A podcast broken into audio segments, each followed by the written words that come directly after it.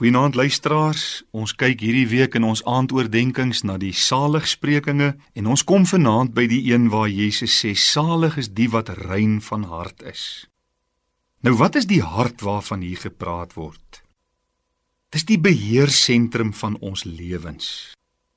En as 'n mens mooi hieroor dink, as jou hart rein is, sal jou hele wese, jou hele lewe rein wees. Jou gedagtes sal heilig wees. Jou woorde sal rein wees, jou dade sal rein wees en jou gewete sal 100% skoon wees.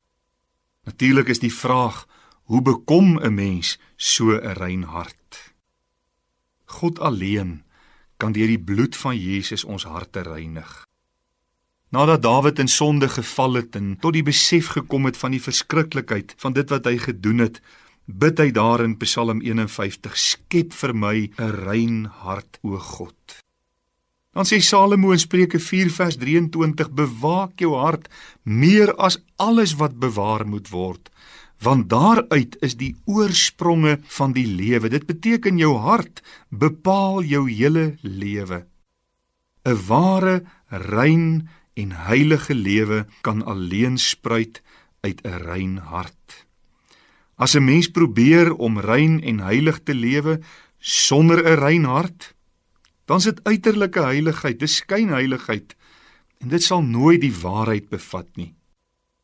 Efesiërs 4 vers 22 tot 24 lees ons dat julle wat die vorige lewenswandel betref, die ou mens moet aflê wat deur die begeerlikhede van die verleiding te gronde gaan en julle vernuwe moet word in die gees van julle gemoed en julle met die nuwe mens moet beklee wat na God geskape is in ware geregtigheid en heiligheid. En die belofte vir 'n rein hart is hulle sal God sien. Maar dan sê Jesus salig is die vredemakers. Praat nie alleen van mense wat vredelewend is nie. Vrede hou nie, maar mense wat aktief daarop ingestel is om ook vrede te maak. Dit beteken dat 'n mens nie soos 'n veghond moet wees wat heeltyd na 'n geveg soek nie, maar dat jy aktief besig moet wees om vrede te bewerkstellig waar jy kom.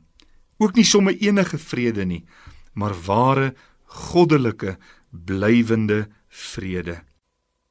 In Romeine 12 vers 18 skryf Paulus: As dit moontlik is, sover dit van julle afhang, leef in vrede met alle mense.